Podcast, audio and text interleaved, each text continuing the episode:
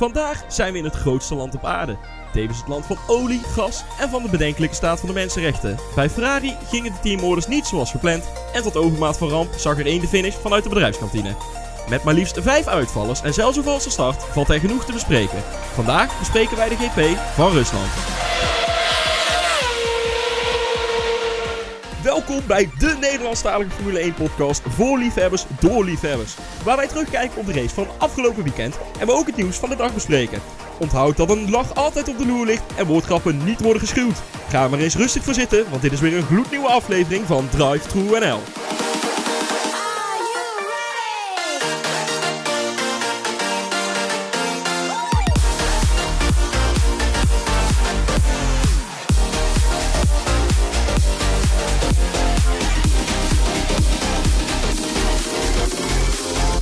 De Formule 1 was dit weekend in Rusland en laat dat nu net een van de grootste olie- en brandstofproducenten ter wereld zijn. Daarom hebben wij voor iedereen een brandstof uitgekozen. Dus aan mijn linkerkant, onze orakel weet alles en daarom voor hem de meest vertrouwde no-nonsense brandstof, namelijk good old Euro 95 benzine, Niels Maas. Ja, dankjewel. Ja, Dat heet tegenwoordig anders, toch? ja dat heet E10? tegenwoordig E10. E10. Nou nee, Euro 95 E5. is E5, alleen dat woord moet allemaal E10 worden, want dat is uh, milieuvriendelijker. 10% Ja. ethanol in plaats van 5% bio-ethanol. Oké. Lang. Maar goed, aan Ja, mijn... ik, ik weet wat het is, maar goed. Ja, oké. oké. En aan mijn rechterkant doet af en toe gewoon waar hij zin in heeft en gaat dus tegen de gevestigde orde in. Daarom hebben we voor hem iets gekozen wat niet mainstream is, maar toch explosief goed. Daarmee ons eigen waterstof, Lucas Paulides. Ja, da- dank je. Dank je. Hey, wisten jullie trouwens dat dit onze... Dit is ons... Wij hebben of vieren ons vierde lustrum vandaag. Wat je dik. We hebben in totaal al 20... Dit is onze twintigste aflevering. Dus Ja. als je ze allemaal hebt geluisterd, luisteraar... Thanks, leuk. We hebben er 20 gehad. Nou, Super en, het moet ook zeggen, het heeft 20 afleveringen geduurd eer wij een keer in de regen op zitten te nemen. ja, oh, nog een steken. primeurtje. Ja, nooit gehad. Pas op voor mijn laptop, mannen. Ja. Nee, ehm, eh, en dan onze host. Hij heeft soms even tijd nodig om goed op gang te komen, maar als hij eenmaal zover is, dan loopt het best lekker. Daarom is voor hem Diesel gekozen. Tevens zo scherp als altijd. Jelle van Dongen. Ja, ja, dankjewel, dankjewel. Het duurt tot even, ja. ja, maar dan, ja, maar dan.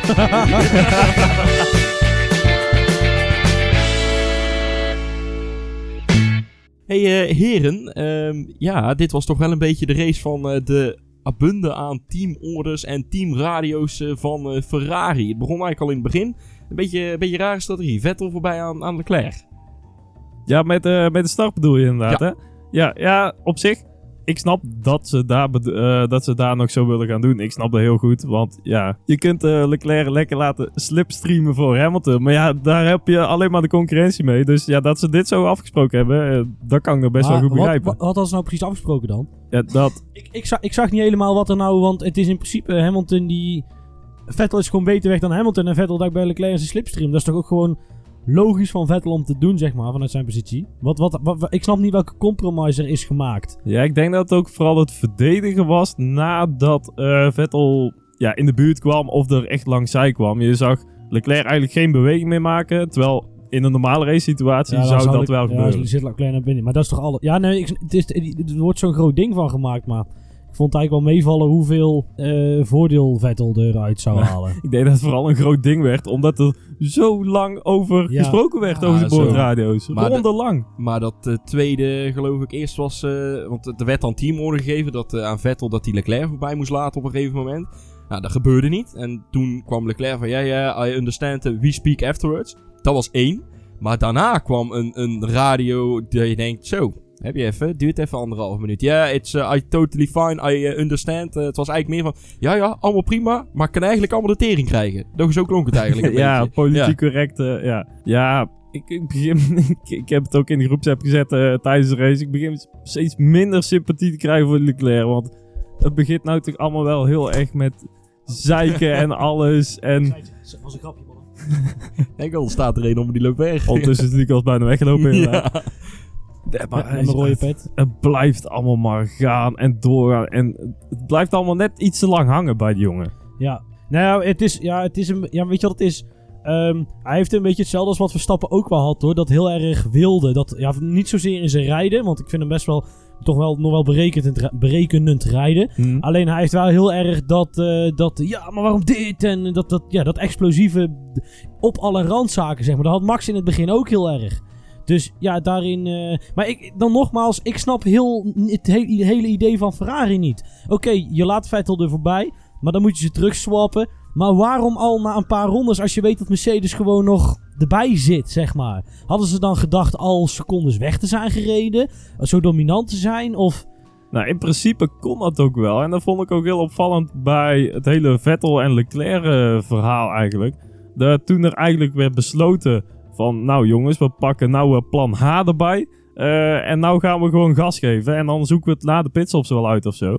Eh, toen reed in één keer Vettel 6 tot 18e sneller per rondje.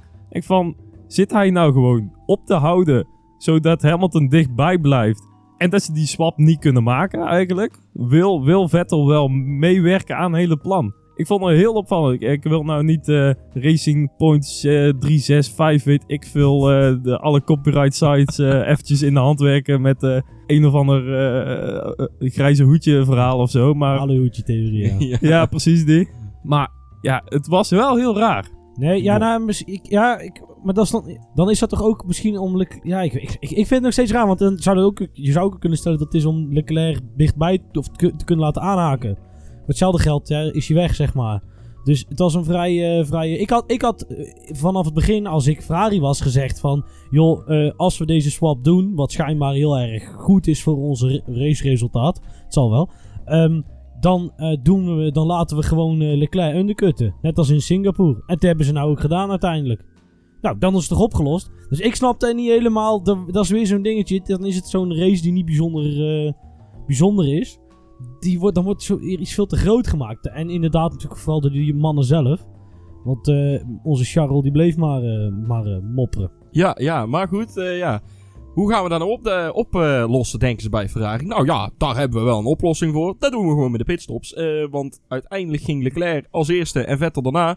hey, en ze zijn omgedraaid. Opgelost. Ja, daarom. En alleen de, de race voor Vettel daarna duurde niet bijzonder lang. Want zijn motor Oh, nou. eh, probeerde... Of zijn motor scheidde ermee uit. Ja, eh, inderdaad. De motor eh, scheidde ermee uit. Ja, dat leverde een, een, een mooie safety car op. Waardoor eh, ja, het, spul weer dichter bij elkaar kwam. Nou, eigenlijk waardoor eh, Mercedes gewoon een gratis pitstop kreeg. Ja, Ja, en toen Of- was eigenlijk de race wel klaar Ja. ook. Beetje net als Engeland. Toen was ook, dan eh, had Hamilton net geluk dat eh Giovinazzi eh, zijn rempedaal eh, kwijt was. Of, of niet. En eh, ja, toch? Toen was Ja. Giovinazzi die reed volgens mij de, de, de, grindbak in. dat zou goed En, eh, en dan kreeg hij hem en dat was eigenlijk nu ook zo. En dan deed ze het met twee man. En eh, nou goed, dat was dan nog... toen, toen had Ferrari niet meteen gehandeld met Leclerc.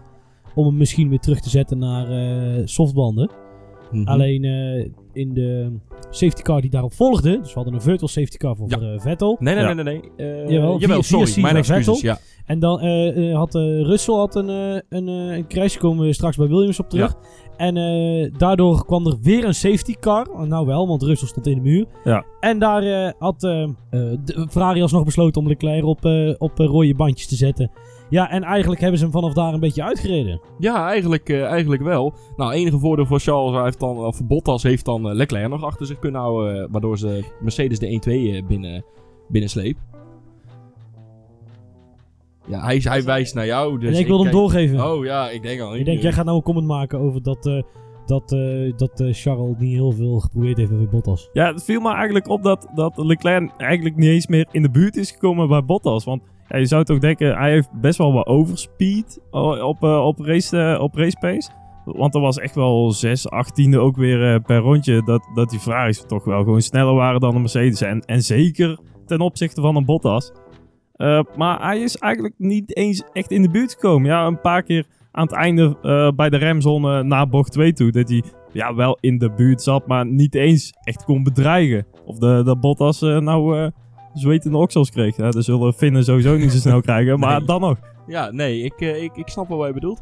hey, eh, dan even een vraagje over Hamilton. Hè. Het was vandaag zijn eh 82e overwinning uit zijn carrière. Ehm, wanneer kan hij dit seizoen, denk je, het kampioenschap pakken? Is dat al binnenkort of gaan we weer ergens Nee, nou, ik, ik dacht zelf van, oh, hij zat er 100 punten voor, maar ik was Bottas even vergeten. En eh, hij heeft op Bottas heeft hij nou een eh, voorsprong van, eh, Oh god, moet ik hoofd rekenen. Oh, Even kijken, dat is drie optellen. Dan zit het op 73. 73, dankjewel. en dat is ongeveer drie races als hij het volhoudt. Dus dan, kan- dan kan die na... eh, oh, ik ben de kalender kwijt. Dus Japan, dan Mexico en dan is dat Amerika. Dan kan ja. hij of in Amerika of de race na Amerika kampioen worden. Klopt het wat ik zeg? Ja, of daarvoor dan toch al? Daarvoor, ja. Of na Mexico. of? Dus we hebben nou Japan en dan Mexico. En daarna zijn nog drie races. Dus heeft hij in Mexico 75 punten voorsprong. Na Mexico. Dan is hij wereldkampioen. Ah, dus eigenlijk weer bij Ja. Mexico dus. Ja, zes. Oh, 78 ja. dan, hè, met Ah, de oké. snelste Oh ja, racerondes tuurlijk. en zo. Ja. Ja. die zou, nou, nou goed, die zou ik bijna vergeten. Nou ja, eh, over de snelste raceronde. Dankjewel eh, Niels. Eh, ja, ze waren bang voor Verstappen. Want zowel bij Mercedes als bij Ferrari kregen ze de oortjes. Nou ja, let op. Want eh, Ja, en Max dat vind heeft een heel gratis opvallend. pitstop. Want Max heeft nog geen enkele pitstop gemaakt voor de snelste raceronde. En Nee. daar heeft hij echt al een paar keer al de mogelijkheid toe gehad eh, dit Ja, seizoen. hij, hij was ook niet zo ruim hoor, de gap die hij had. Het, hij had iets maar, hij had, ja, het, het kon wel hoor, maar dan zat hij Albon meer in de weg. Ja, Dan- maar dat is zijn teamgenoot. Net of Ja, dat nee. zijn teamgenoot Oeh. dan bij hem in de weg zou gaan rijden. Nee, omdat maar hij dan zat hij kon. in de weg die voor bij Sainz aan het wegrijden was.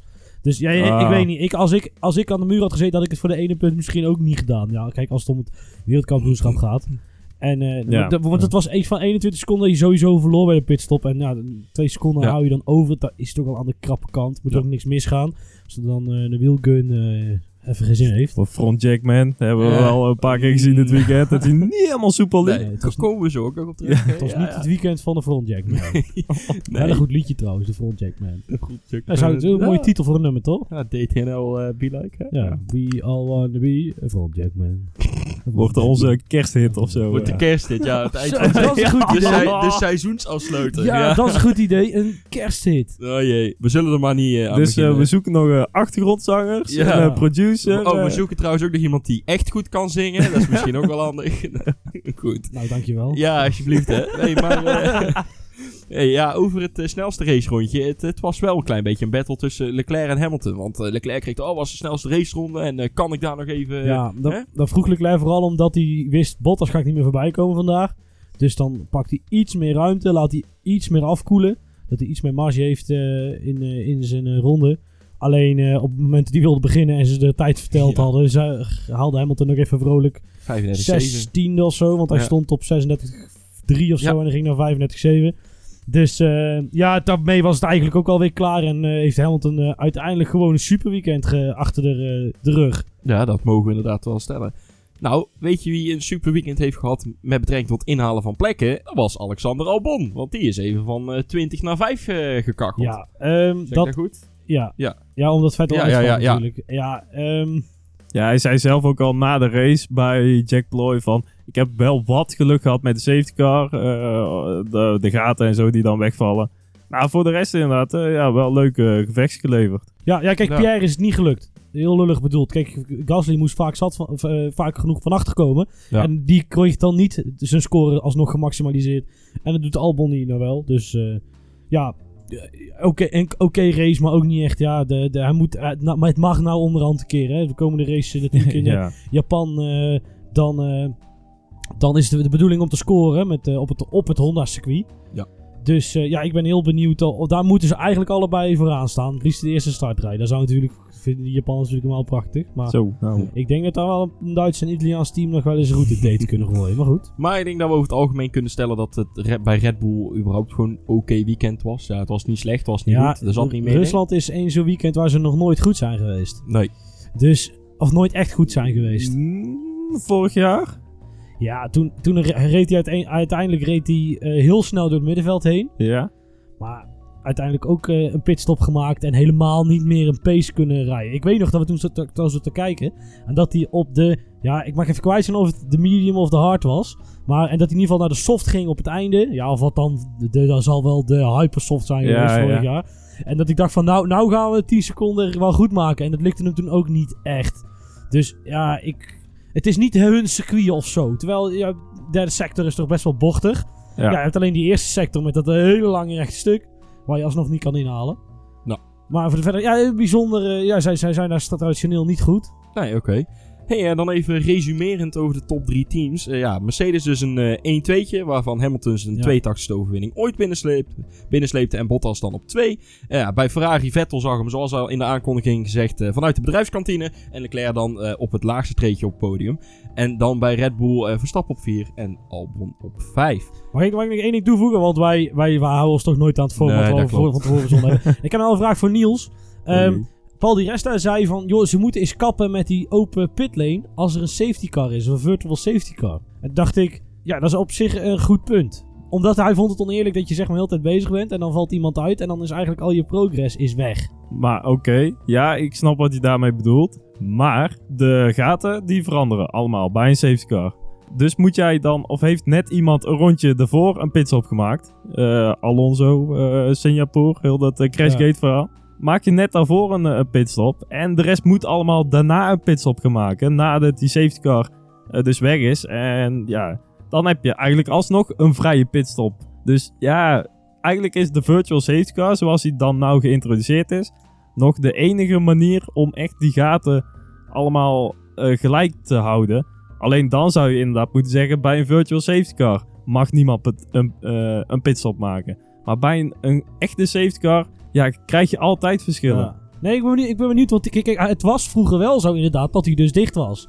Waarom weet ik niet precies, maar de, dus ja, het, het, het blijft denk ik altijd wel, eh, wel, wel een vraag, misschien een interessante. Om, ja, ik vond het Ja, interessant, ik, eh, een interessant vraagstukje, wel een goede om een keer in te duiken misschien. Kijken wat de voorbeelden waren, wat toen de beweegredenen waren om het, weg te, om het niet te doen. Dus Nou, wat ik wel een goed punt vind, is, dat was laatst ook aangehaald, volgens mij ook eh, vanuit het Italiaanse kamp, eh, dat ze bij de virtual safety cars moeten gaan kijken dat ze, wanneer dat ze hem aangeven, zeg maar, dat ze eh, de virtual safety car erin voeren, en dat ze hem ook weer op hetzelfde punt, als iedereen op hetzelfde punt op de baan rijdt, hem ook weer loslaten. Dus dat je echt een hele ronde, iedereen, achter de virtual safety car hebt gereden omdat je anders dan alsnog verschillen gaat krijgen in de onderlinge afstanden. Als je net in een bocht zit. Of zo. Als je hem net eh, bij het insturen of aanremmen of zo dan weer losgelaten wordt. Of dan, dan krijg je alsnog heel veel verschillen.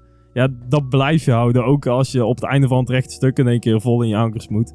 Maar dat, dat zou dan nog net iets eerlijker maken. Maar ja, dan duurt het ook weer waarschijnlijk Ja. anderhalve minuut langer voordat ze weer vrijgegeven kunnen worden. Dus ja, ja, ik weet het heeft allemaal... ja, ik vind het lastig, want in principe... Het gat blijft gelijk. Ja, ik- kijk, ik, maar die verschillen zijn marginaal. Want je zou alleen kunnen beargumenteren dat... Stel, eh, je bent heel goed in sector 1... En de safety, je hebt een virtual safety car in eh, sector 1 moeten rijden. En dan gaat, kikt hij weer uit. Dan heb je nog alleen... Ja, dan heb je dus die 1 en ben je dan genaaid. Want de 2 en 3 leg je het af. Ja, dat is eigenlijk het enige wat Ja, echt wat en we hebben het dan ook echt maximaal over, zeg, anderhalve seconde. Echt, echt, echt maximaal. Ja, dat is wel heel veel al eigenlijk. Dus, Dus- ja, wat dat betreft. Nee, ik dacht, ja. Dus ik snap het wel. Alleen ik vind wat ze wel moeten. Het, het, wat ze, het rare aan die VSC is natuurlijk. Dat ze heel erg op die. ehm, op die, sector, ze, die mini-sectoren kijken ze. Ze zeggen, ze, ze, een, twint- een, een circuit krijgt 20 sectoren dan. Ja. En dan, eh, of zoiets, 25 Ja, misschien. En dan moet je in elke mini-sector moet je een bepaalde tijd over doen. Eh, dus dan, want dan ga je dus langzaam rijden. En eh, daar zouden ze misschien strikter naar kunnen kijken met het GPS-signaal. In plaats van dat je, want daar kunnen pakken mensen ook heel vaak. Dus, dus bijvoorbeeld, stel je weet dat hij uitgaat, dan heb je langzaam in je sector gereden. En dan, als je weet dat hij gaat, gas geven in die sector. Waardoor je dus al met een hoge topsnelheid uit je VSC komt. Dat zie je, daar zie je, er zijn best wel een paar coureurs die er best wel gevoel voor hebben. Die Ja. dat kunnen, dus daar, daar zie je af en toe nog wel eens terug, ja. Oké. Dan eh, nu weer terug naar, eh, naar het draaiboek, hè, Ja. we het willen hebben. Ja. Hey, dan gaan we eens even verder met, eh met Sainz, onder andere, met McLaren. Zo, Sainz eh, goed weg. Die eh, heeft eh, heel kort, en dan heel, heel, heel kort, nog heel even op P3 gelegen. Ja, en dan vond ik jammer dat hij hem daar niet doorzet eigenlijk. Want hij lag gewoon minstens Ja. een halve autolengte voor op Hamilton. Toon dan is Ja. gewoon ballen, man. Eh, je, Ja. je gaat dan heel dit seizoen waarschijnlijk niet meer rijden. Nee. Gooi hem er lekker voor. Hamilton die is toch allemaal ook een beetje zenuwachtig. Want kampioenschap, ja, zou die nog zenuwachtig rijden? Of voorzichtig rijden niet. zou ik zo zeggen. Ja, ik denk het wel hoor. Nou, dan helemaal. ga er lekker voor. Ja, ik- en, eh, Ja, maar aan de andere kant is het zo dat... Ik kan het me ook wel weer voorstellen dat de druk voor McLaren is gewoon om vijf of zesde te worden. Of dan zevende, zesde te worden. Dat is voor hun het belangrijkste, want ze moeten Renault achter zich houden. Dat is belangrijker dan Hamilton twee bochten langer achter je kunnen houden. Dus wat dat Ja, betreft snap ik het wel. Het is natuurlijk veel leuker, inderdaad, als die zegt van... joh, hey, zoek het even lekker uit, ik zet hem voor. Maar ja, dat eh, deed hij helaas niet. Vond ik ook wel mooi bij het commentaar. Bijvoorbeeld eh, bij, eh, toen Bottas eh Sainz ging inhalen. Zo was zo, hij komt van heel ver en hij zet Ja. hem gewoon naast. Maar je zag Sainz echt al vol in de energiebesparingsmodus zitten. Ja. Dus die had hem ook al zo van, nou eh, alsjeblieft Ja, eh, meneer gaan, eh, ja. Valtteri, kom maar langs. Ja, hij heeft eigenlijk gewoon de hele race bijna op eh, P5 eh, toch gelegen. Ja, totdat Albon er uiteindelijk dan toch voorbij kwam. Maar uiteindelijk dan eh één plekje gezakt. hey, maar Norris, ehm, ja, die eh, heeft nog wel iets moeten doen eh, voor zijn eh, plek. hè. Hij heeft er dan uiteindelijk aan het einde één cadeau gekregen. Omdat een andere niet nader te noemen coureur, nou ja, nader te noemen coureur, nog een tijdstrafje te in had. Ehm, de regie, daar wil ik even een, een, een uitstapje maken. De regie vandaag was gewoon ronduit kut. Maar ze lieten wel voldoende zien van het middenveld. Het was niet de laatste ronde van nou, we focussen hem alleen maar op de, op de top 6 en zoek het maar uit. We hebben daadwerkelijk dit keer wel iets gezien van de achterste rijders. Maar, ja, ja, zoals je zegt, we hebben live hebben we er wel iets van gezien. Maar we hebben zoveel verschillende acties en zo niet gezien. Oh, nee. Die gaan wij de komende dagen waarschijnlijk allemaal op internet ergens terugvinden. Ja. Ja, maar oké, dat je ze dan mist tijdens wanneer het gebeurt. Ja, oké, Ja, hè, want het is Ja. een sport en er gebeuren overal momenten. Maar gooi ze dan in een herhaling. En dat hebben ze wel een paar keer al eerder gedaan dit seizoen. Gewoon meerdere van dat soort momenten achter elkaar zetten. In een replay gooien. En dan ben je weer helemaal bijgewerkt, om het zo maar te Ja. zeggen. Maar ook dat gewoon niet. Ja, joh, Nee. en, het was ook niet alleen maar de race, maar dat was gisteren ook al eh, met de kwalificatie. Ja, we nemen het vandaag een keer op dezelfde dag op als de race. Het was gisteren met de kwalificatie was dat ook al. Toen, de, toen Albon er in bocht 13 rechtdoor ging. Ja, er kwam in één keer gele vlog. Nou, het duurde eeuwen voordat we er eindelijk iets van te zien kregen. Wie er nou uit lag, waar het was. Toen was het eerst Verstappen. Nee, oké, het was uiteindelijk toch Albon. Het zat er gewoon heel het weekend gewoon niet in, eh, daar in, eh, in Sochi. Maar dat is toch bijzonder, want het is ongeveer bijna altijd dezelfde, hetzelfde team. Volgens mij alleen eh, Monaco en Frankrijk niet. En voor de verdere rest is het altijd hetzelfde regieteam. Dat is Ja. toch bijzonder dat dat dan het ene weekend beter werkt dan het andere weekend. En, Ja. en maakt die redactie groter of zo. Dan kun je veel meer dingen opzoeken Ja, of beelden maar- knippen. Maar of- het is ook niet alleen de, de beelden die ze laten zien. Ook wat er af en toe in beeld verschijnt. Eh, Net als eh, ze laten dan altijd aan het begin voor de start. Laten ze altijd zo zo'n eh, close-up van de coureur zien. En dan met de naam eronder. Ja, toen kregen we een mooi shot van het publiek met Charles Leclerc eronder. Ik denk, nou ja, dat is niet Leclerc. maar goed, ja, ja. Misschien zijn, zijn tweelingbroer. Nou ja, en het waren overigens ook niet eens fans voor Ferrari. Dus het was, Oh, was een hele tribune hoor. Ik denk, nou oké. Ja, Had je zet, trouwens- anders, zet anders gewoon 20 man naar die onboard. eh, die alleen maar op die onboard zitten kijken. Ik weet al Ja, wel dat- sowieso twee mensen die, zo- die dat zouden willen doen hoor. Ja. Ik wel, bel maar. nee, eh, heb je trouwens gezien op de, de tribune eh, in bocht 3, zeg maar. Dat is die hele kom naar links, zeg maar. Ja. Had je de, waar ze de rijders op konden kijken, hadden ze Vettel op geprobeerd te pesten. Want ze hadden namelijk een, nou, levensgroot, niet eens, ze hadden zeg maar heel de zijkant van de tribune volgeplakt met het hoofd van Fiat. Gewoon, gewoon in Ja. zijn- in zijn geheel. Ik moest er zo om lachen. Zou Vettel dan vandaag toch, eh, hoeveel rondjes heeft hij gereden? 24 of zo? De 24 keer gedacht hebben van, oh, torpedo. En dan... Ja, dan zelf eraf. Dus ik wel om, eh, wel Zo, overigens over de torpedo. De, de Zweedse tv had Ja. daar wel echt een goud filmpje over gemaakt. Oh, Dat was echt goed. Hebben jullie die gezien? gezien? Die heb ik Nee. niet gezien. Nee. Dat was het enige nuttige deel uit F1 Café van tevoren. eh, op, Oké, eh, die komt nog wel op onze socials. Ja, die ga ik wel zoeken. Die, ik, heb, ik ga hem wel een poging doen om die te zoeken. Ja. Dat is niet zo moeilijk. Die Van Gamer had hem ook getweet. Dus Daarom. We we gaan wel... hem daar wel even zoeken. Eh, maar goed, eh, ja, voor McLaren eh, ja, was dat eigenlijk wel een beetje, een beetje het weekend. Eh, dan uiteindelijk, eh, allebei de rijders zijn een plaatsje gezakt ten opzichte van waar ze zijn begonnen. Sainz van 5 naar 6 en Norris van 7 naar 8. Ja, dan gaan we dus naar het eerste team met een uitvaller. Eh, we gaan naar Renault. En dan maar te beginnen Ricciardo. Hij begon binnen de punten. Eh, hij eindigde ergens eh, in een heel breed uitloopveld. Maar dat kwam door een eh, collision eigenlijk bij de start. Ja, en dat was ook weer zo'n regiemomentje waarvan het nou nog steeds eigenlijk niet helemaal duidelijk is wat er nou precies Ja. gebeurde. Want we hebben daar helemaal geen onboards van gezien of zo, of iets. Jawel, maar ja, van Giovinazzi. Ja, we hebben één, één replay gezien vanuit de onboard van Giovinazzi. En that's it. ja, drie mensen naast elkaar. En meestal gaat dat niet zo goed. Ja, dus ja, racing incident eigenlijk best wel.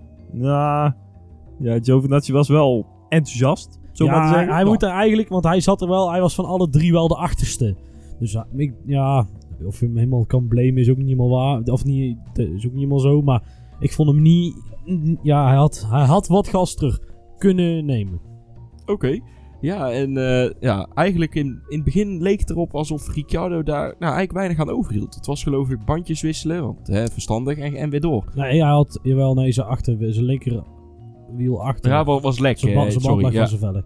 Maar het was dus een safety car, omdat Grosjean dus in de muur eh, beland was daarmee.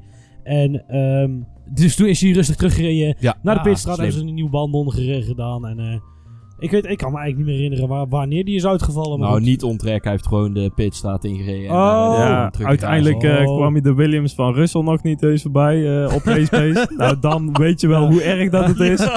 Goeie. Dus toen hebben ze toch maar gezegd van om deze beschamende vertoning toch maar niet te, te lang te laten duren. Maar, kom eh, maar lekker binnen Waarom mag Cyril er wel blijven zitten? Ja, maar die komt niet zo vaak in beeld. Zijn van alle duizend... nou, van, nou, daar denk ik anders over. van alle duizend paarden die Renault had, waren ze alle duizend Ja. weg één keer. Nou, daar krijgt de paard ik van. oh jee. Goed, de reden ook Het wordt, nog niet eens- be- het, wordt, het wordt er niet beter op hoor.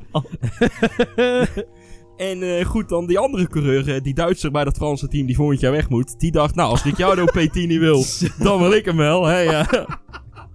Dus eh Hulkenberg, die... eh, Zo, die was, een Ja. die was een partij giftig na de, na de wedstrijd. Oh, of na de race. Nee, ja, ja hij, had, was, hij stond bij Jack voor de camera. Maar hij gebruikte allemaal woorden als ja, kut race en helemaal kloten. En eh, nou, hij was best wel teleurgesteld in het resultaat. Hij had zelf gedacht eh, dan P6 te kunnen halen vandaag.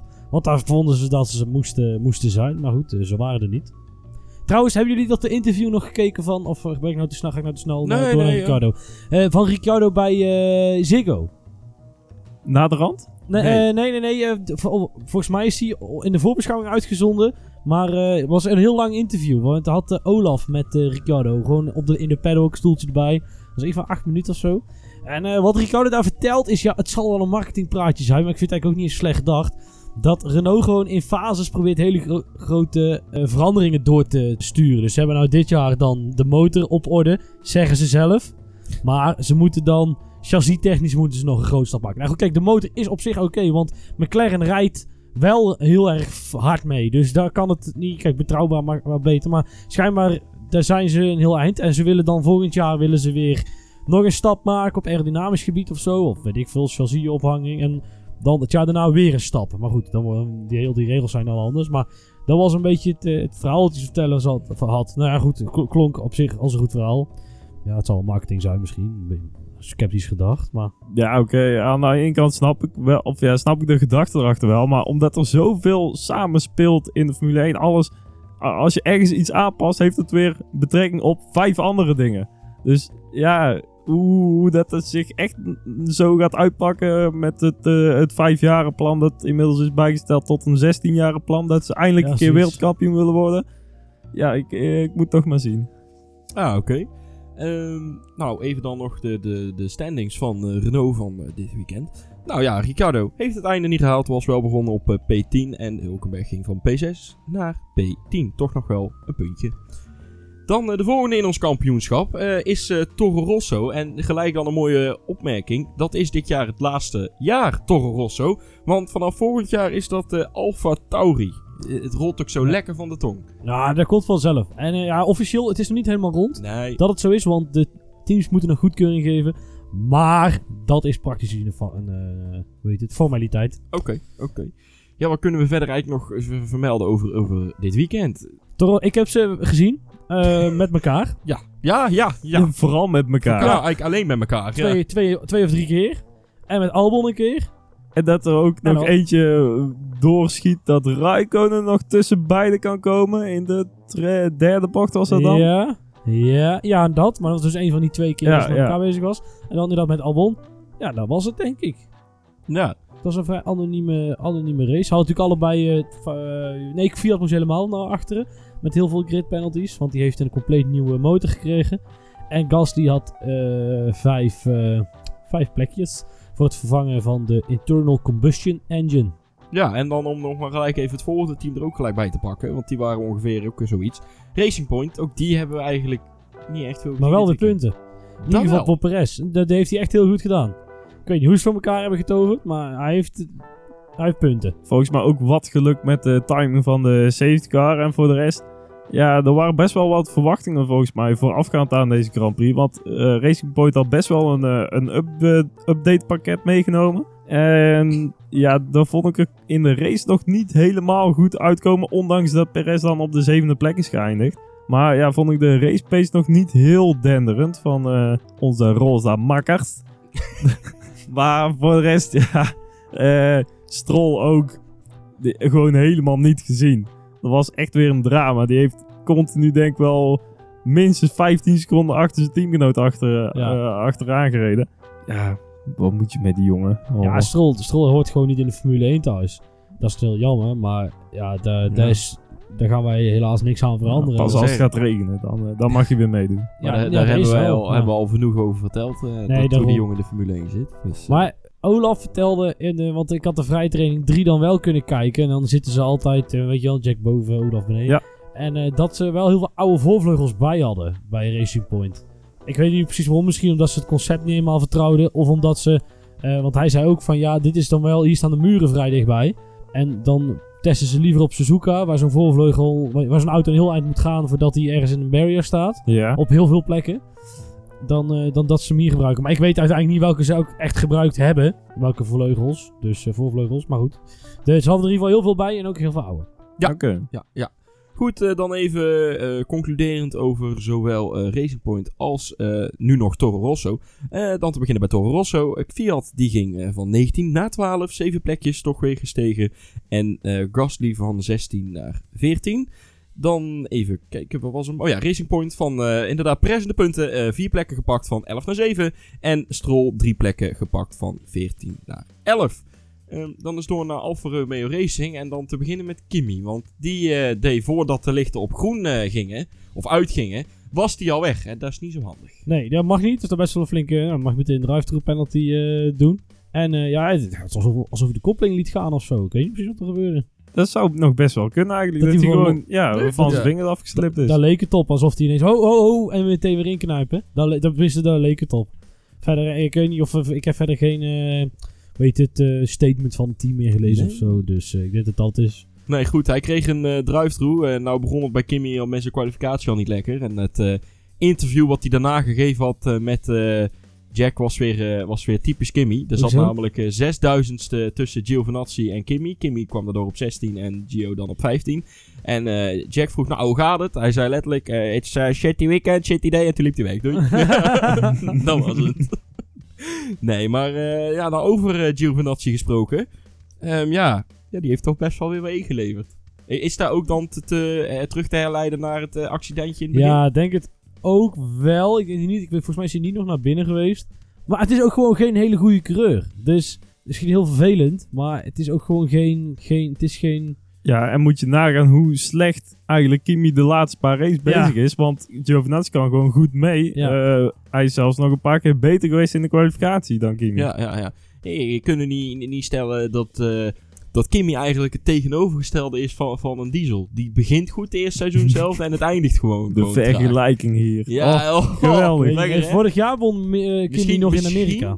Dat hij tijdens de zomerstop iets minder, mi- iets minder uitbundig op vakantie moet gaan. Dat denk ik ook. Nou, ja, hij, helft. is- hij had een paar weken geleden last van een blessure. Dus het Ja. zou nog steeds kunnen werken. Vorige, vorige, Mhm. vorige week heb ik die comments misschien volgens mij ook gemaakt. Dus daar zouden we misschien kunnen meespelen. Ehm, ik hoorde trouwens laatst, ik las laatst ergens dat eh Frederik van Zeur... Frederik van Zeur? Fred Vasseur. Fred van Zeur, sorry. Ja. Fred van Zeur. Dat dat een hele goede eh matties is met Hulkenberg. Oeh. En dat Van Zeur ook de man is die Hulkenberg naar Renault heeft gehaald. en op het moment dat Hulkenberg daar wilde beginnen, Van Zeur al een andere uitdaging had gevonden. Volgens mij ook bij Sauber. Volgens mij ook zijn huidige plek, maar dat weet ik niet zeker. En, nou hebben we ehm, hè, nog een stoeltje vrij. Nee, daarom. Dus ik wilde zeggen, alleen Van Zeur heeft natuurlijk ook heel veel druk vanuit de motorleverancier. Want die willen daar een Ferrari junior hebben zitten. Ja. Ja, en daar lijkt hem toch ook... eh, ja, daar, daar, daar ben ik benieuwd wat, eh wat daar wordt. Dus ik wil zeggen, er is nog wel een opening, zeg maar. Er heeft in het verleden heeft die opening ook eh, gewerkt. Oké. Ja, en dan eh, even de qua standen is uh, Raikkonen ging van 15 naar 13. Uiteindelijk toch twee plekken gepakt. En Giovinazzi verloor de drie, ging van eh 12 naar 15. Dan was hij denk Ja. ik de laagst geclasseerde rijder, want de rest was allemaal uitgevallen, toch? Eh er vijf uitvallers. Ja, ja Eén, correct. twee, Dus gewoon echt Ja. drie keer niks. Nee, ja, het, is, eh, het was shit. Goed, eh, dan... eh, ons- Ja, misschien had Shit, Raikkonen, shit, ja. Raikkonen had het ook misschien over Giovinazzi zijn weekend. ja. Shitty race. Shitty Eh, race, ja. Shitty weekend. Goed, dan eh, de, de, nu, nog, nu nog in nummer 1 de laatste. Er zit niet zo heel veel tussen meer, eh, tussen Alfa en tussen Haas. Ja, bij Haas ging het eh, ja, ook niet helemaal lekker. We zijn er eentje kwijtgeraakt en de ander die kreeg nog 5 seconden. Ja. en dat zijn ook... Ja, het, het is gewoon heel moeilijk voor die Haas om die banden blijkbaar aan de praat te krijgen. En dat blijft een lopend verhaal. En je ziet het ook elke keer weer. Eh, bijvoorbeeld Magnussen, die had een best wel goede start. Reed best wel voor in... Of aan de kop van het, eh, van het middenveld eh, reed hij aan het begin van de race. Maar hij kan gewoon geen aansluiting houden met de rest. En hij blijft maar terugzakken. En op een gegeven moment is het ook gewoon klaar. En dan, ja, daar kun je ook niks tegen doen als creur. Nou ja, heel moeilijk in ieder geval. En, eh, maar, ondanks die omstandigheden, eh, was hij vandaag achtste geworden. Op het, eh, op het ja, ja, hij heeft dan die, die vijf seconden gekregen. Maar eh, ik heb heel eerlijk gezegd ook, dat zal ook wel weer aan mij liggen, heel dat stuk gemist dat hij zo hebben afgesneden. Ja, ik vond het ook wel een beetje meevallen hoor. Want hij pakt de beide curbs eh, in de tweede, derde bocht. Heb Ehm, ik het wel gezien, denk ik. Ik weet het al niet meer. Nou, ja, pakt- hij, ja. nou, hij gaat alleen niet langs die, langs die paaltjes af op het begin. ja, inderdaad niet die eerste twee, maar wel die de derde bord. Daar Ja. had hij dan nog wel goed gepakt. In de eerste vrije training stonden daar dus drie paaltjes. En ze moesten een slalom maken. Ja, echt van, van links, eerst links eromheen en dan rechts eromheen en dan weer links eromheen. Maar op een gegeven moment, Ja. Bottas, die reed door de middelste twee heen. Weet ik veel. Iedereen pakt een andere route en het zag er niet uit. En toen was er in één keer zo'n bordje omgevallen. Dus toen moest er weer eh, zo'n virtual safety car komen om zo'n Ja, bordje weer nou, recht te zetten. Daarover gesproken, ik, ik kijk wel eens vrije trainingen, maar ik kan me niet herinneren dat er een VSC zo vaak gebruikt is tijdens een vrije training. Zou dat iets nieuws zijn? Vanuit Masi. Ja, geen idee. Want ik kan me dat zou best wel eens kunnen, ja. Er viel iemand uit in een van de trainingen, toch? Zeg ik dat goed? Ik, volgens mij viel er iemand uit. Nee, Fiat stopte ermee. Die zijn motor stopte er toch Ja, mee in de ja, eerste vrije Ja, training. Ja. ja. Meestal doen ze dan altijd red flag en dan uh, ja, red flaggen ze de sessie en dan tillen ze die auto weg en dan gaan ze weer naar buiten. Maar het viel me op dat ze nou heel veel vrij, of uh, vrij, uh, de VSC, VSC. heel veel uh, inzetten. Is dat ook niet omdat... Nou, het is geen het is een soort... Ik, mag ik het noemen Frankrijk Light? Die uitloopstroken zijn hier best wel flink. Op heel veel Nou, plekken. dat valt nog wel mee Van- hoor. Ja, op sommige plekken, maar niet, niet overal hoor. Alleen... eh, Net zoals Waak, Fiat en dus ook Vettel Ja. tijdens de race eh, stilgevallen waren. Ja, dat, dat is echt geen brede uitloopstrook. Nee, maar dan nog, dan, dan, dan, ik vond het, nou, misschien zou ook er iets kunnen zijn, hè, van eh Masi, een nieuw, nieuw ding, die zegt van, nou, dan gebruik ik de VSC. Ook goed, hè? Ja, zeker. Want de- de- die, die auto wegrollen en dan gaan we door. Dat is het, dat is het probleem verder niet. Nee, oké. Eh, ja, dan eh, Magnussen, die kwam dus uiteindelijk als eh, achtste, achtste, zoals achtste, achtste eh, over de streep. Maar daar moesten nog vijf seconden bij. Ging dus van 13 naar 9. En Grosjean ging door een eh, collision met zowel Giovinazzi als Ricciardo van 8 naar de muur. Ja. Naar niks. ja. ja. Dat zou, dat zou, dat De zou muur. ooit, als, nee, als Grosjean ooit een biografie gaat schrijven, of iemand een biografie laat schrijven, Ja. Dan heet het waarschijnlijk van de startgrid naar de muur of zo, ja, zoiets. ja, waarschijnlijk wel. Spa 2012 all over again. Gunther, or Grosjean, if you're listening. Ja.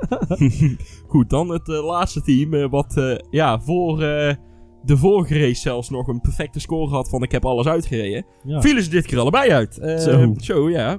Dat zou met, met, met remproblemen te maken hebben. In ieder geval, het, het was tijdens de virtual safety car van het stilvallen van Vettel. Ja. Ehm, ja, schoot eh, George Russell. Nee, het was er net na, Jelle. ja, Ja, ja. Nou ja, sorry. Of, het was Ja, was echt net weg. Het er heeft veel. geen twee Ja. rondjes tussen gezeten. Het was wel grappig, want de communicatieafdeling van Williams deed het al van zijn eh flatspotje. nou, ja, dat was het niet. Het was eh, maar... eh, maar ook hij die ging naar de muur. eh, ja. Ja, nee, die Ja. inderdaad, die ging de muur en daardoor moest die safety car dus, dus komen. Ja, Niels zei dat het stuurproblemen waren. Of Ben jij- rem of of iets. kwam jij ja zoiets kwam voorbij, maar echt een eenduidige verklaring van het team zelf heb ik nog niet kunnen vinden. En verder, ja, Robert Kubica die is dan naar binnen gehaald om eh, onderdelen te sparen. Nou ja, eh, ik weet niet wat ze allemaal nog van plan zijn, eh, Williams, de rest van het jaar. Maar die onderdelen, ja. Hamilton... Nou ja, inderdaad over ja onderdelen. maar ze zouden toch eens onderdelen moeten wisselen, hè? Ja, want, Oh, dan staan ze niet meer Zo. achteraan, maar achter... oh, wacht, Oh. ja. dan staan ze eh, voor, eh, zich, voor zichzelf. sowieso. Maar, ja, wow. Nee, Ja. maar ehm, heb je Kubica gezien bij Jack? Potverdorie, die kwam ook fel, eh, fel eh, die beet ook fel van zich af. Wat had hij te vertellen? Nou, hij zei nog net niet van, joh, het zijn gewoon hier een stel prutsers. Kunnen er echt helemaal Nou ja, niks van. maar als Ja, maar jij... het was echt heel erg van, ja, en dan geef ik eh, dingen aan en dan verandert er maar niks. En ja, eh, oh, Ja. het is niet ineens dat er de me- eh, ik, eh, volgens mij een of andere magische vee voorbij komt. Waardoor je dan eh, ineens de autosetup wel werkt, weet je wel. Daar, daar Maar- had hij het over. Als jij je coureur moet vertellen van nou kappen mee en het is onder andere to eh, safe parts, dan word je er ook niet vrij van, vrolijk van als dat coureur hoort. Van nou ja, kom even naar de zijde. Nee, of andere, kijk, hij hoeft kost niet- een beetje hij veel hoeft geld. te- hij hoeft niet te vertellen hoe goed Williams is, maar het valt mij gewoon op dat hij zo fel is tegen het team. De mensen die hem toch nog vijf races de setup moeten fixen. Ja. Hm, ja, dat wel. ja, ik denk dat we daar ook alles wel van met Williams mee hebben verteld. En eh, dus eh Kubica van 18 naar eh, niks en Russell van 17 naar niks. En dan ook eh, al drie keer niks. ook al drie, is weer drie keer niks. Nou Nee, ja, Maar, ik, maar ik, ik wil ook eens zeggen dat het, het circuit vind ik ook drie keer niks. Dus he- ik denk dat we het al een Ja, keer over gehad ja. hebben, maar het is verschrikkelijk. Ja, als er dan toch eentje weg moet. Ja, nee, dat echt werkelijk waar. Dit vind ik, de, ik vind dit de, misschien wel na Frankrijk. Ik wil het Dit- zeggen. Frankrijk vind ik nog erger, als ik heel eerlijk ben, want daar race is namelijk geen hol aan. Ja. Hier zit nog wel iets van een... een kijk, hoe, een circuit met een hoogteverschil van 2 meter. Zandvoort heeft nog meer hoogteverschil. Dat is fucking Nederland. Ja. Dus ja, ik, nee, ik, ik, ik, ik, nee, ik weet niet, ik vind niks. Ik vind het veel te steriel. Er gebeurt ook geen hol, bl- blijkbaar. Er, er is niks. En dan eh, zo eens in, de, eens in het jaar, dan komt Formule 1 circus weer. En dan poetsen ze de baan schoon. Als ze dat al doen. En dan gaan ze weer... eh Nou, nou, Blijkbaar is er wel meer gereden dit jaar. Ook eh, buiten de Formule 1 om. Daarom was, de, ja, het, was het ook een beetje weer apart met de baan en het, de, hoeveel dat het ingerubberd was. En hebben ze dit jaar ook voor een compound harder gekozen. Of gewoon, ja, ze pakken altijd drie compounds. Die hebben ze nou allemaal eentje harder gemaakt, zodat er meer gepusht kan worden. Omdat vorig jaar eigenlijk gewoon eh, ja, heel veel inhouden en een optocht was. Net zoals in Singapore. Maar ja, het, het, het is dus ook heel raar om daar... Of ja, het, het asfalt zelf, de, de karakteristieken, dat is ook weer een hele wereld anders dan de rest. Oké, nou goed. Ik, eh, we hebben een oplossing. Lekker stoppen. Ja, ja. precies. Nou, dan hebben we eigenlijk de redespreking gehad. Eh, gebruikelijk zouden we nu doorgaan naar de Fantasy League. Eh, ja, dat gaan we dit keer dus niet doen. Zoals ik al zei, we nemen dit op op eh, zondagavond. Fantasy League is helaas nog niet bijgewerkt.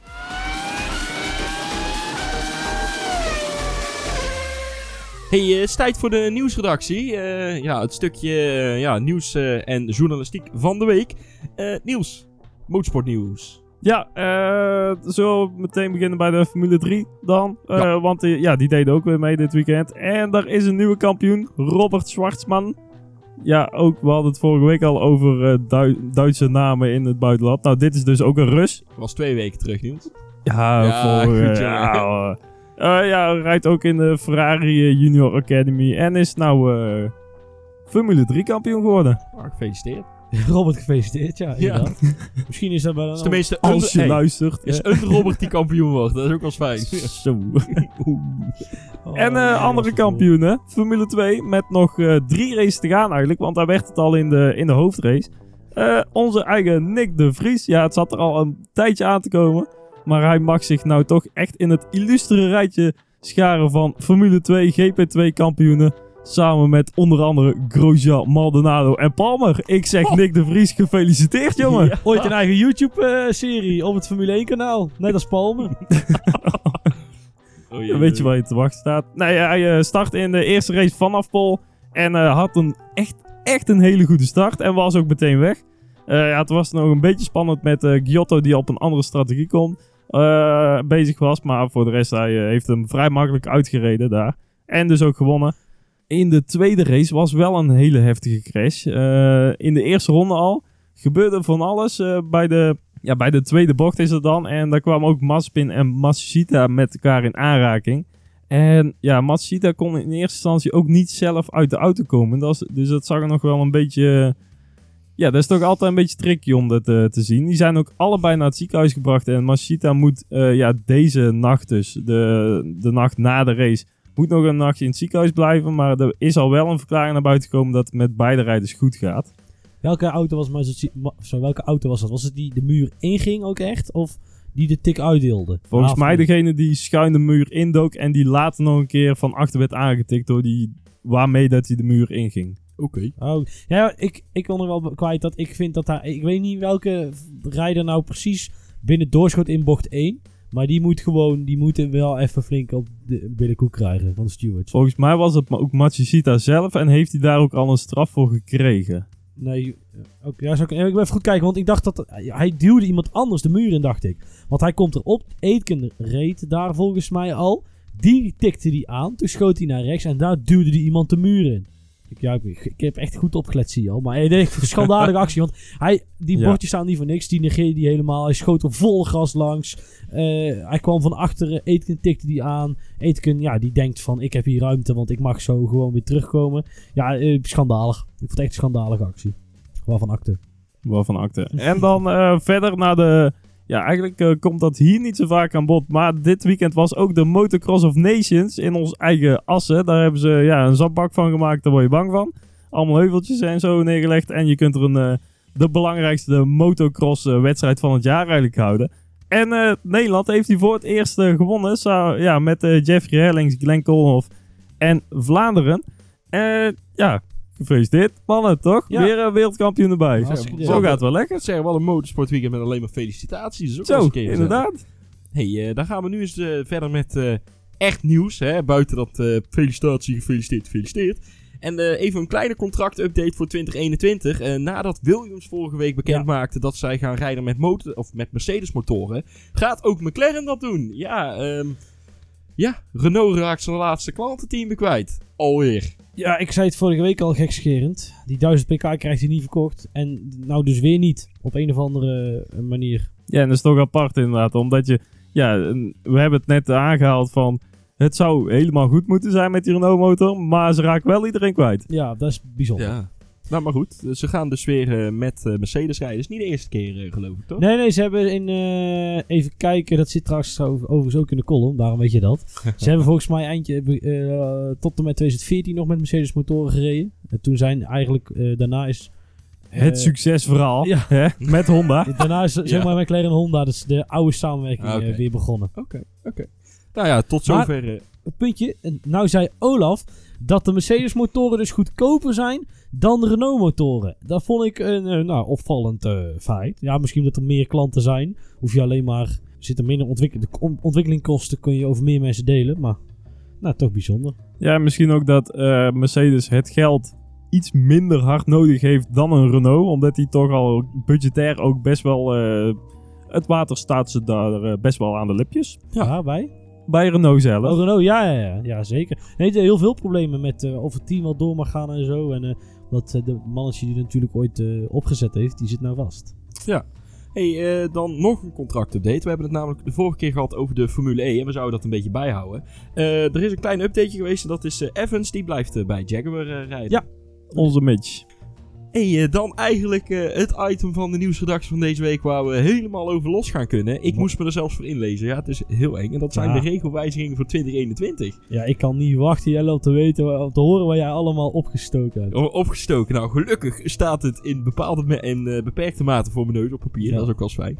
Hey, laten we eens even gewoon beginnen met, met de auto. Eigenlijk, het, het, het grootste verandering aan de auto is het terugkeer van het ground effect. En dan eigenlijk eh, het ground effect. En dan, kijk, ik zei dat ik met termen ging strooien. Ja, nou, nou ben ik benieuwd. is eh, het, het toepassen eigenlijk van het Venturi-effect. En dat is eigenlijk, je gaat voor de luchtstroom ga je een vernauwing creëren onder de auto. Daarmee zuig je als het ware de auto aan het asfalt. Ja, daar, ja, nee, daarmee versnel je de lucht. En Ja. een hogere snelheid van lucht betekent een lagere druk. En daardoor blijft de auto pakken. Dus in principe wat Red Bull nou ook doet, hè. Ja. Alleen die, die, die- ze hebben afgesproken dat die vloer helemaal recht moet zijn. Omdat het ground effect vroeger heel gevaarlijk was. Want dat was heel onstabiel.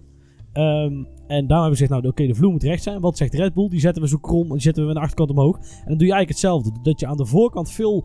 eh, ja, aan de achterkant heb je ineens heel veel ruimte. Daar moet lucht zijn. En die zuig je als het ware aan de voorkant onder de auto. En dan, daardoor krijg je op die plek, krijg je onder de vloer eh, een zuigende kracht. En daar komt de, de downforce van de vloer vandaan. Ja, want, want inderdaad, zoals je zei, het mocht niet meer. eh, ze hebben het ooit wel gedaan, maar de, de snelheden in de bochten werden daar te hoog voor. Dat werd te gevaarlijk. Ja, het, werd, ja en eh, het was zelfs zo eh, goed werkte het dat ehm, de eh, auto's geen voorvleugels meer hadden. Nee, nou uiteindelijk was het dus, omdat dat niet meer mocht, je moet toch ergens downforce vandaan gaan halen. Hoe hebben ze dat toen opgelost? Met voorvleugels en met de achtervleugel merendeels.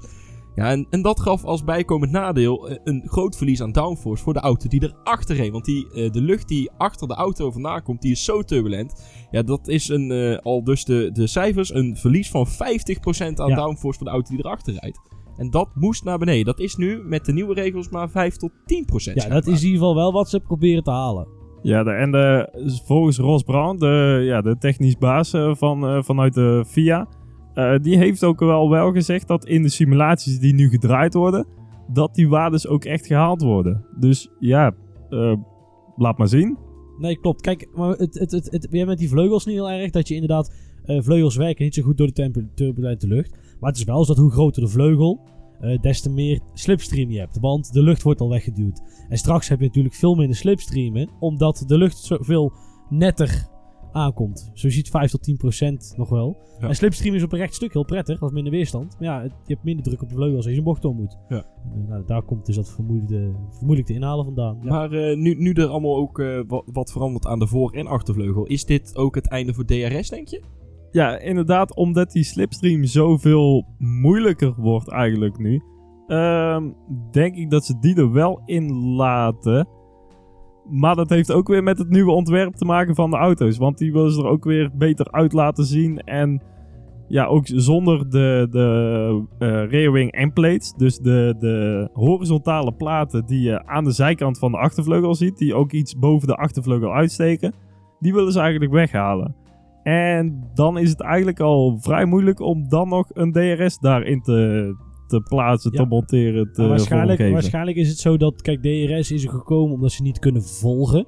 En nu kunnen ze natuurlijk wel, als het goed is, heel kort een bocht uitkomen. Kort op elkaar. En dan is het meer wie de meeste tractie heeft vanuit setup, hè, vanuit mechanisch de, de, eh, de, de, de goede tractie kan eh, Ja. halen. Die, die heeft zeg maar dat voordeel. En eh, wat ik begreep is dat DRS nu niet meegenomen wordt naar de nieuwe reglementen. Omdat ze zelf verwachten dat het dus easy peasy inhalen wordt. Of eh, dat het makkelijker inhalen wordt. Ja. Dus, dus DRS niet, eh, niet meer nodig is. Oké. Overigens, ik zeg net horizontaal, maar ik bedoel natuurlijk verticaal. de, de verticale staanders eh, bij de achtervleugel. Oh zo, ja. Ja, ja, ja. oké.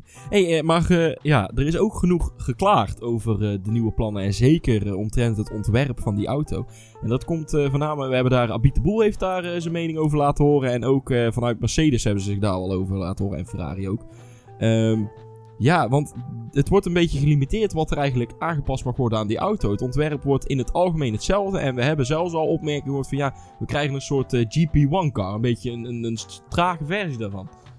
Ja, wat vinden we daar zelf van? Hoe, even trouwens terzijde, vinden jullie de auto, het ontwerp wat er nu staat, mooi? Of is, zeg je nou, doen we niet? Ja, ik vind, ja, ik vind het altijd lastig. Want toen eh, de auto's in 2014, 15, 16, afgezien van de dildo-neuzen, waren toen niet heel le- bijzonder lelijk of zo. Maar als ik ze nu bekijk, denk ik van ja, we hebben nu echt wel gavere auto's. De 2017 auto vind ik van deze eeuw wel de mooiste auto, zonder halo. Het is een, hij moet er zijn, maar hij is wel lelijk. Eh, Nou, valt het jou nog op, de Halo? ja, ik zie hem echt nog wel. Ja. Nee, ik, eh, ik vind ik- het alweer raar om hem zonder te zien eigenlijk. Om, om, weet omdat je er alweer zo aan gewend bent. Dus net zoals met die, dus met die 2014, de, ja, zeg maar de auto's waarin Sebastian Vettel wereldkampioen is geworden bij Red Bull. Met de hoge achtervleugel en de hele brede voorvleugel. Ja, dat ziet er zo raar uit nou eigenlijk. Ja, ik- vind hem wel gaaf. Ja, ik, ik weet niet, ja. Ja, ik snap wel wat je bedoelt hoor, maar... Het past gewoon niet meer bij mijn beeld van Ja. hoe een Formule 1 auto eruit ja, ziet. ik. En ik denk als we daar, zeg een half seizoen, geef het anderhalf seizoen voor mijn part. Maar als je daar eenmaal weer aan gewend bent, aan die Ja. nieuwe looks van heel zo'n eh, zo'n zo. concept eigenlijk, wat het dan is. Ja, dan, dan zit je daar weer helemaal in. Nee, en dan, is ook zo hoor. dan is het Ja. weer een hele stap terug in de tijd eigenlijk, als je weer naar deze beelden Ja, gaat kijken. Nee, dat klopt. Nou, wat vooral ook met die nieuwe ontwerpen is, dat ze veel meer ook gaan kijken naar het uiterlijk van een auto. En ik denk dat ze daar wel een beetje mee moeten oppassen. Want ik vind het uiterlijk van een auto dan nog niet eens zo heel belangrijk. Als ze maar snel gaan. En als het maar een mooie race is. Nou, ja, ja, juist niet te snel. Want snelheid kunnen wij namelijk helemaal niet zien. Ze moeten, ja, ze moeten wel snel gaan, snap ik. Maar eh, het moet spannend blijven. En dat is, het, eh, dat is eigenlijk het belangrijkste. En inderdaad, dan is eh, design even ondergeschikt. Het zou wel mooi zijn als ze de Halo iets mooier weggewerkt zouden kunnen krijgen. iets meer... want Ja. nou, nou is het echt zo'n teenslipper die erop staat. En hij moet eigenlijk meer in de, de, de, ja, de lijnen van de auto meegenomen worden, het mij vraagt. Ja. Maar goed, Ja. inderdaad, dan krijg je dus die, die eh, kritieken van dat het te veel op elkaar lijkt. En dat is wel geinig, want ehm, via F1 Fanvoice heeft de Formule 1 ook een... eh, ja, dat is een of ander motje, Jelle, niet schrikken. Ja, ja, ja. Eh, via de F1 Fanvoice heeft de Formule 1 ook een enquête gehouden. Van joh, welke auto is dit? En dan is de auto helemaal wit gemaakt. Volgens mij heb jij die ook nog Ja, ja, eens, ja, die hebben we nog eens gemaakt. en daaruit was gekomen dat eigenlijk mensen nu aan de uiterlijk ook geen auto's konden herkennen. Ehm, dus dat is eigenlijk het argument van Ross Braun tegen eh, die kritiek die, daar, die, die, die hij daarop krijgt. Ja. Vind ik niet heel sterk persoonlijk, want ik vind dat een team wel degelijk, al is het maar in kleine ho- hoeveelheden, zijn eigen ja, touch eigenlijk aan zo'n auto Ja. kan geven. Ja. Ja, kijk, en, en het is natuurlijk ook zo, kijk, wat hij op een gegeven moment gaf hij in een interview aan Sky ook aan, dat hij zegt van, waarom kunnen wij dingen die in de auto zitten niet standaardiseren? Ja. Dat vind ik ook zo'n rare eh, gedachtegang, want eh, weliswaar, die zien de fans niet, maar daar kan misschien wel een verschil, ja, er is een, een eigen iets. Had hij bijvoorbeeld de fuelpomp, die kon dan wel gestandardiseerd worden of zo, en Klopt. weet ik veel wat Maar, maar dat kwam ook meer omdat ze dat eh, in konden haken met die eh cost cap van straks. Dat is 175 Ja. miljoen euro. Of pond of euro? Ik denk pond eigenlijk. Pond, omdat eh ja, zowat driekwart van de Formule 1 in eh, Engeland gevestigd Ja, is. want zo stelde Ross Brown van, nou ja, als je inderdaad met die fuelpomp, als je daar eh, allemaal dezelfde in gaat kopen, dan wordt het uiteindelijk ook goedkoper om zo'n ding... Ja, is ook zo. Alleen het is wel zo dat je nogmaals inderdaad geen GP1 bent. Je bent gewoon Formule 1. Hè, de engineering competitie. En dan, ja, dat is maar net de vraag waar je, waar je die lijn legt. Ja, goed. En daar is dan Rosbrand nou eh, mee eh, bezig. Mee Ja, en verder snap ik ook wel weer de gedachte dat je zoveel mogelijk dezelfde auto's wil hebben. Omdat dan uiteindelijk de, de grid, de gehele grid, dichter bij elkaar komt. En dat je niet alleen een top 6 hebt die anderhalf seconde race pace over heeft op de rest. En voor de rest, ja, eh, dat die maar een beetje de kruimels moeten, moeten eh, meenemen. Wat er Ze hebben we- trouwens het standaardiseren van de remmen laten vervallen. Ja? Ze zouden de remmen, zouden, wilden ze in 2021 ook collectief inkopen. Maar dan gaan ze in 2021 bekijken voor een jaar daarna of zo. Ja, ik weet niet meer vanaf welk jaar ze dan wel zouden willen. Maar in ieder geval, voor dat jaar gaan ze nog niet... eh, Ja, en als reden werd daarvoor gegeven omdat die reglementen, nou, er verandert dan zoveel aan het, eh, het algehele reglement. Eh, dat ze de veiligheid dan weer daarin belangrijk vonden dat die, ja, die remmen dan weer go- wel goed ingepast konden worden in de ontwerpen die er dan zijn. Vind ik eigenlijk een beetje een rare reden. Ja, ik ook. Kun je toch testen zoiets. Maar goed, ze zitten wel erg in paniek hoor, met tijd. Ja. Want ze moeten volgens mij Eind over een oktober. maand... Het, is, Ja. het, het viel, zoals daar al mooi opgemerkt, het viel tegelijk met Brexit. Oh, serieus? Ja. ja. Oké, nee, dan inderdaad, dan moet alles bekend zijn. Ja, in En, principe eh, had het al lang bekend moeten zijn. Want die Ja. ontwikkeling die begint echt nou al. Bijvoorbeeld bij Ferrari hebben ze ook dit weekend gezegd van... Ja, de laatste grote upgrades, die zijn er eigenlijk al gekomen. En vanaf nu gaat de focus steeds meer en eigenlijk eh, misschien nou wel voor de helft op, op de auto van volgend jaar liggen. Nou, als zelfs een team als Ferrari dat zegt met zoveel mankracht, Ja. moet je nagaan hoe het bij een Racing Point zit. Of bij een haas. Ja, ja. Ja, Ja, eh, overigens, dat staat hier niet op papiertje. Wat nog wel, eh, wat voor ons als eh, journalisten in SP ook wel handig is. is de teams moeten vanaf 2021 hun, hun kosten openbaar gaan maken. Eh 2020 is vrijwillig, mogen teams zich daarvoor aanmelden. Voor 2021 moet het. We hebben hier natuurlijk tijdens de aflevering af en toe wel eens gevraagd van... Nou, wat zou nou zo'n rem kosten? En wat zou dit nou kosten? Nou, dat weten we vanaf 2021 dus, hoe duur dat wordt. Overigens, eh, de andere twee puntjes wat aangepast wordt aan de auto is eh, minder drive rates en eh, ja, minder management. Omdat er, er gaat wat meer informatie gedeeld worden van de auto naar de garage. Ja, die 20 man die dan op de fabriek zitten ergens in Engeland. En dan nog die 10 man die in een tent zitten aan het circuit. Die willen ze eigenlijk weg hebben. Dat dat, ook als je over de boordradio na een race hoort. Dat je niet meer het compliment hoort van. Nou, Lewis, die heb je goed gemanaged. Nee, die heb je goed gereden. Die heb je helemaal. Je hebt Ja. het zweet van je kop eh, af moeten vegen. Want je hebt echt het ons uit de pan moeten trekken. om die overwinning uit vuur te slepen. En ja, daar willen ze een beetje naartoe. Ja, ik, eh, ja des, maar nogmaals, dit zijn allemaal voorstellen natuurlijk. Ik geloof niet dat ze dat er helemaal uit gaan krijgen. Want eh, Formule 1 is nou helemaal zoals Ro- mijn favoriete, eh of onze vriend van de show, Robert Dormers, Robert Dormers wat mooi zegt, big data. Ja, dat, dat is klopt. echt zo'n Ja. lekkere, lekkere marketingterm. Big data. En dan gaan we geld mee verdienen. Big data, hoe dan? Weet ik niet. Big helemaal data. in. En daar Big komt, data, en daar komt data. exact natuurlijk om de hoek kijken. Exact, leuk, ja. exact, big data. En eh, nee, maar in ieder geval, je houdt al die data die, daar zul je iets mee moeten doen. Dus ik, maar ik, ik, ik ben toch wel benieuwd hoe ze, hoe ze zoiets... eh, ze hebben een paar jaar geleden ook zo'n regel gehad. Dat ze dan helemaal niet meer mochten vertellen wat de rijder eh, moest doen op het moment dat er een probleem was in de auto. met Rosberg. Ja, oh, Hamilton toch ook een keer? Ja, ook een keer. Ja, ik dacht het wel. Ik weet niet meer precies. Maar in ieder geval inderdaad ook van... eh, ja, ja, ja. Oh ja, nee, want Lewis zei van... Ja, man, I'm gonna push every button until it works, man. Weet je wel? Oh, ja. Dus eh, en eh, we strongly do not recommend that. Dat was wel eh, een goede. Goed. Nee, en, maar wat zijn driver aids? Waar moet ik dan aan denken? Ja, ehm, dat de, de, de motor bijvoorbeeld, die engine mapping, dat dat iets minder wordt. Ah, oké. Zo, zulke soort dingen. Want ja, in principe zijn driver aids zoals een, eh een traction control, dat is al helemaal niet, Ja, niet toegestaan. Dus Oké. Hey, eh, dan eh, weg van de auto en dan naar die dingen, die vier dingen die een auto een auto maken. En dat zijn die vier banden die eronder zitten.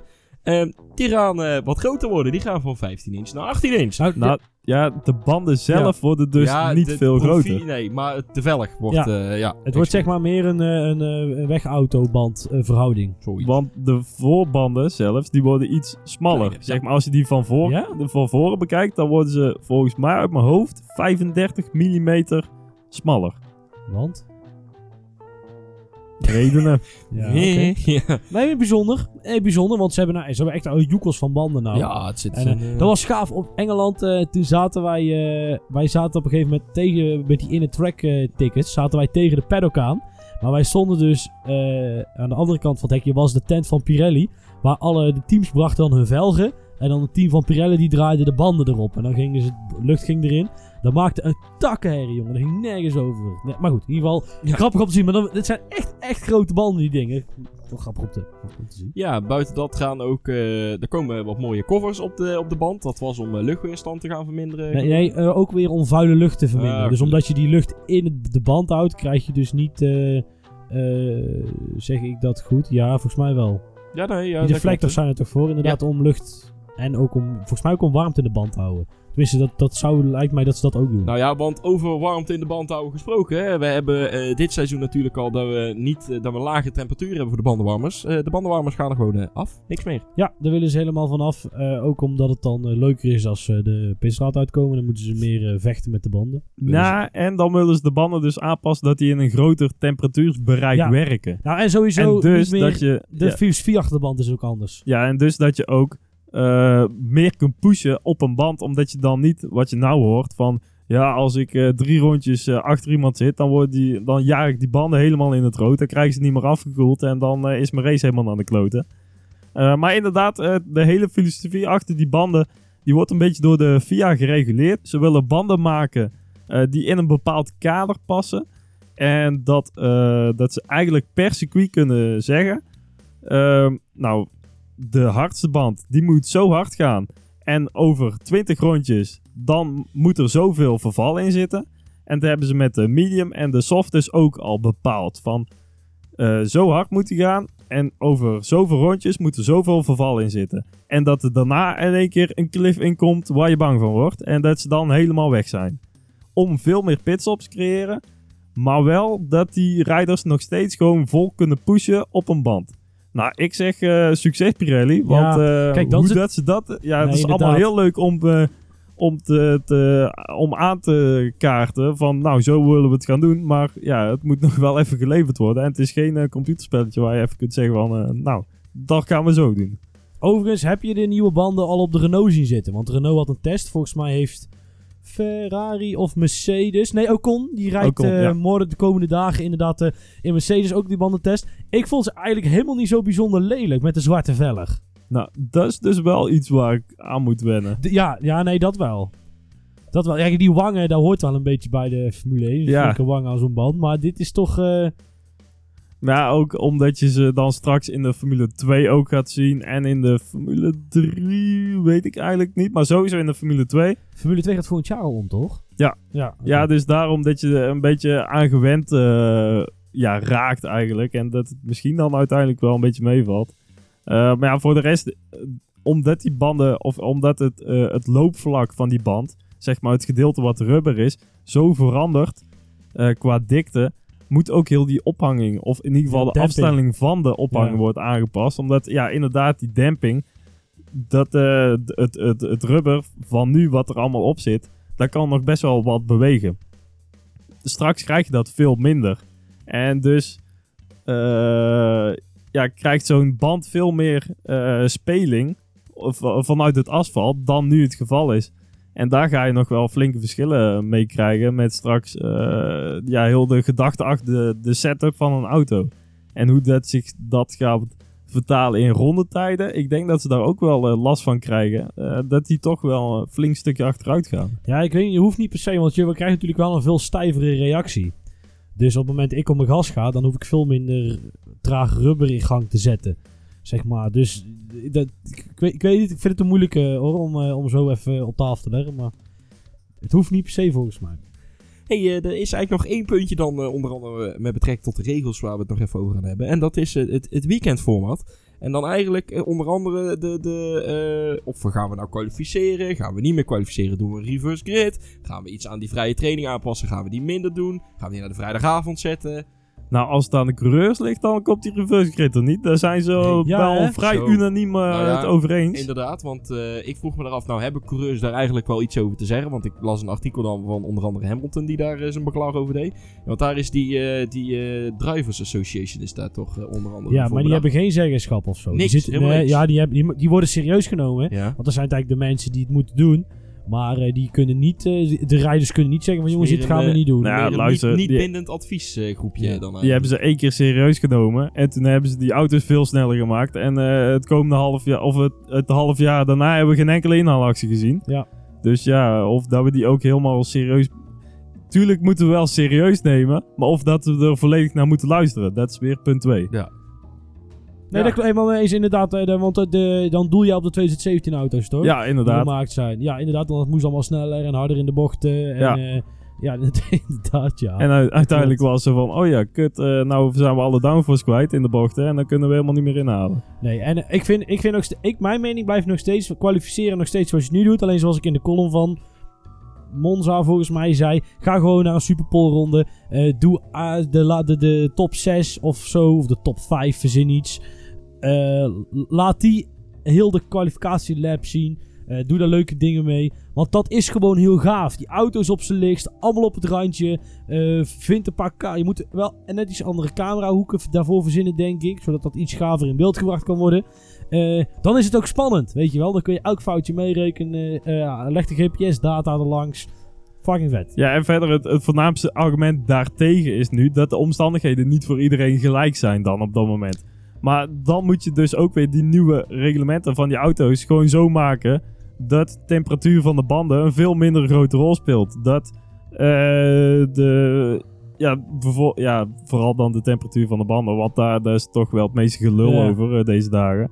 Maar dat het dus een veel mindere rol speelt. En dan kun je dat ja, veel beter Oh, Ja, dan kun je dat gewoon wel in gaan voeren. En ik denk inderdaad ook, daar ben ik het helemaal met je eens, dat er echt een hele leuke toevoeging kan zijn. En voor de rest, ja, veel minder trainingen.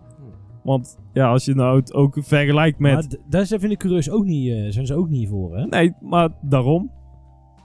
Oh, daarom. Ja, kan. Ja, eh, geef ze een half uurtje om eh, die baan te verkennen, even de setup te checken. Want die ligt toch al voor 95% vast uit de simulatiedata die ze in de week ervoor Ja. al hebben opgereden. Vanuit eh, de simulatoren op de fabriek. Laat ze maar een half uurtje even aan die baan wennen. En dan uh, hup, knallen we gelijk eh, de, eh, de kwalificatie erachteraan. Ik, ik ben het helemaal met je eens. Ja, ik vind het wel vrij weinig training. Maar ehm, er zijn een paar argumenten tegen. Voor, nee, wat ik sowieso een argument voor vind, is dat ook als je naar Mercedes kijkt, die komt het eerste half uur niet opdagen. Op vrijdagochtend. Uh, Hamilton die zit nog lekker een drukje te doen. Of zijn haren te vlechten. en dan komt hij een half uur. een half uur in de vrije training komt hij aan om, eh, om een, in die auto te stappen en maar rijden. Dus die tijd kan al korter. Wat ik vind, eh, en eh, het argument wat daar tegen is, is dat eh, de promotors heel graag de vrijdagtickets willen verkopen. En daardoor moeten ze wel een fatsoenlijk programma aanbieden voor op de vrijdag. En ja, dat haal je dan niet. Wat ik wel begreep is dat ze wel heel ver zijn met het idee om de vrije trainingen op vrijdag naar de middag te verplaatsen en iets korter te doen. Dat dat al wel een geaccepteerd idee zou zijn. Zodat heel veel persmomentjes en zo naar de vrijdagochtend kunnen. Wat betekent dat heel veel personeel weer een dag later in de week naar een circuit toe hoeft. Ja. En dat is weer het voordeel omdat de Formule 1-organisatie naar 25 races wil. Waar ik ook tegen ben, overigens. Juist. En zo tegen. hangt alles weer lekker ook Ja, van ja. elkaar af Ja, maar ik en vind, er wel, aan nee, maar elkaar. ik vind er wel een heel mooi... eh, Ja. ja. zie, je- als je ziet hoe dat systeem werkt natuurlijk. Er zijn wel... eh, ja, dat dat vind ik dan persoonlijk... me- ligt mijn interesse daar wel. Vind ik wel leuk. Dus ja, ik ben benieuwd hoe, hoe dat dan uitpakt. Nee, maar ze moeten 20 races is echt wel de maximum hoor. Ik vind... eh, volgend jaar doen we er 21 toch? Nee, dit jaar doen we wel 21. Dit 21. Volgend Volgend jaar 22. 22. ja. 22. Ja, dat was toch veel te veel. Maar goed. Sorry. We gaan, eh, we gaan zien wat het brengt. Overigens, via If You're Listening, we're, eh, we're available. Yes. Yes, yes, yes. Yes, yes. En daar eh, sluiten we de nieuwsredactie eh, en ook de eh, samenvatting van onze regelwijziging, of ja, van de regelwijzigingen van de, van de F1 voor de 2020, 2021 mee af. En dat was de nieuwsredactie.